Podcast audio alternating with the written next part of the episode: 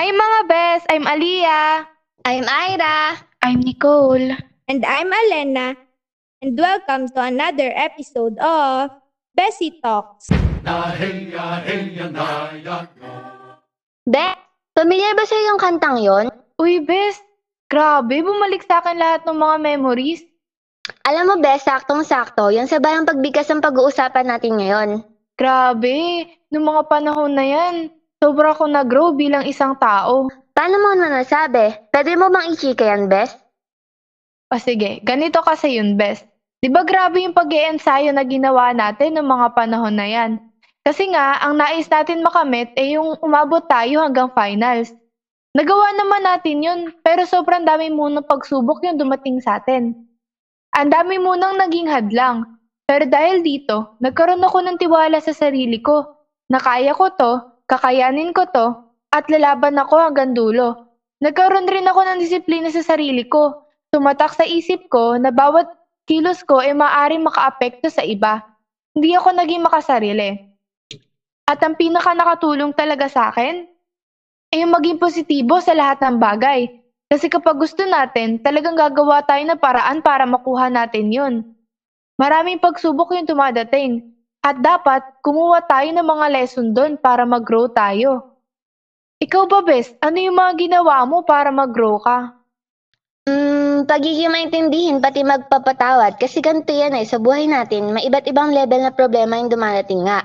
May madaling solusyonan at may mahirap. Yung mahirap na problema, nabubulag tayo dun minsan. Maisip natin na, grabe, nakakapagod. Wala, sira na buhay ko. Gusto ko na lang mawala. Yung ganun ba, hindi natin naisip na may posibilidad pala na may mabuti at maganda yung nagdulot sa atin yon na hindi pa lang natin agad nakikita. Dagdag ko na rin dyan yung pag may nagawa yung iba sa akin na hindi ko gusto or para sa akin mali na.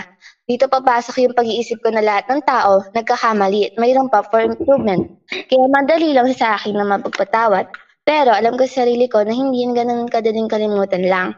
Yung pagiging maintindihan at mapagpatawad ko, yung nakatulong at mas tutulong pa sa akin na mag-grow as myself. Tsaka kung paano laging ko konsidera yung nararamdaman ng iba. Nako, best, grabe pala talaga ang mga bagay na sinasakripisyo at ginagawa para magkaroon ng personal growth, no? Bukod sa mga sinabi nyo, mayroon rin akong isi-share na malaka- naalala ko noong gumagawa tayo ng props para sa speech core na yan. Diyos ko, nakaka-stress pala talaga, no, best? Araw-araw tayong nagsipag noon at nagpunyagi kahit mahirap. Natutuwa akong mag-impok noong mga panahon na yan kasi naman best, ang daming gastusin pambili ng kung ano-anong mga bagay. Sa kabila ng lahat, sobrang pasasalamat ko pa din kasi natuto tayong magdisiplina sa sarili.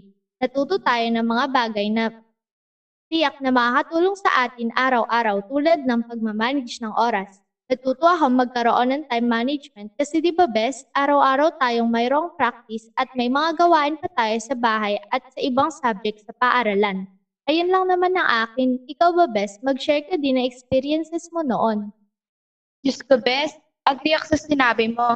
And dahil sa speech core na yan, ay natuto ko mag-time management at magsakripisyo. Kasi di ba, Bes, kailangan talaga nating galingan para manalo tayo.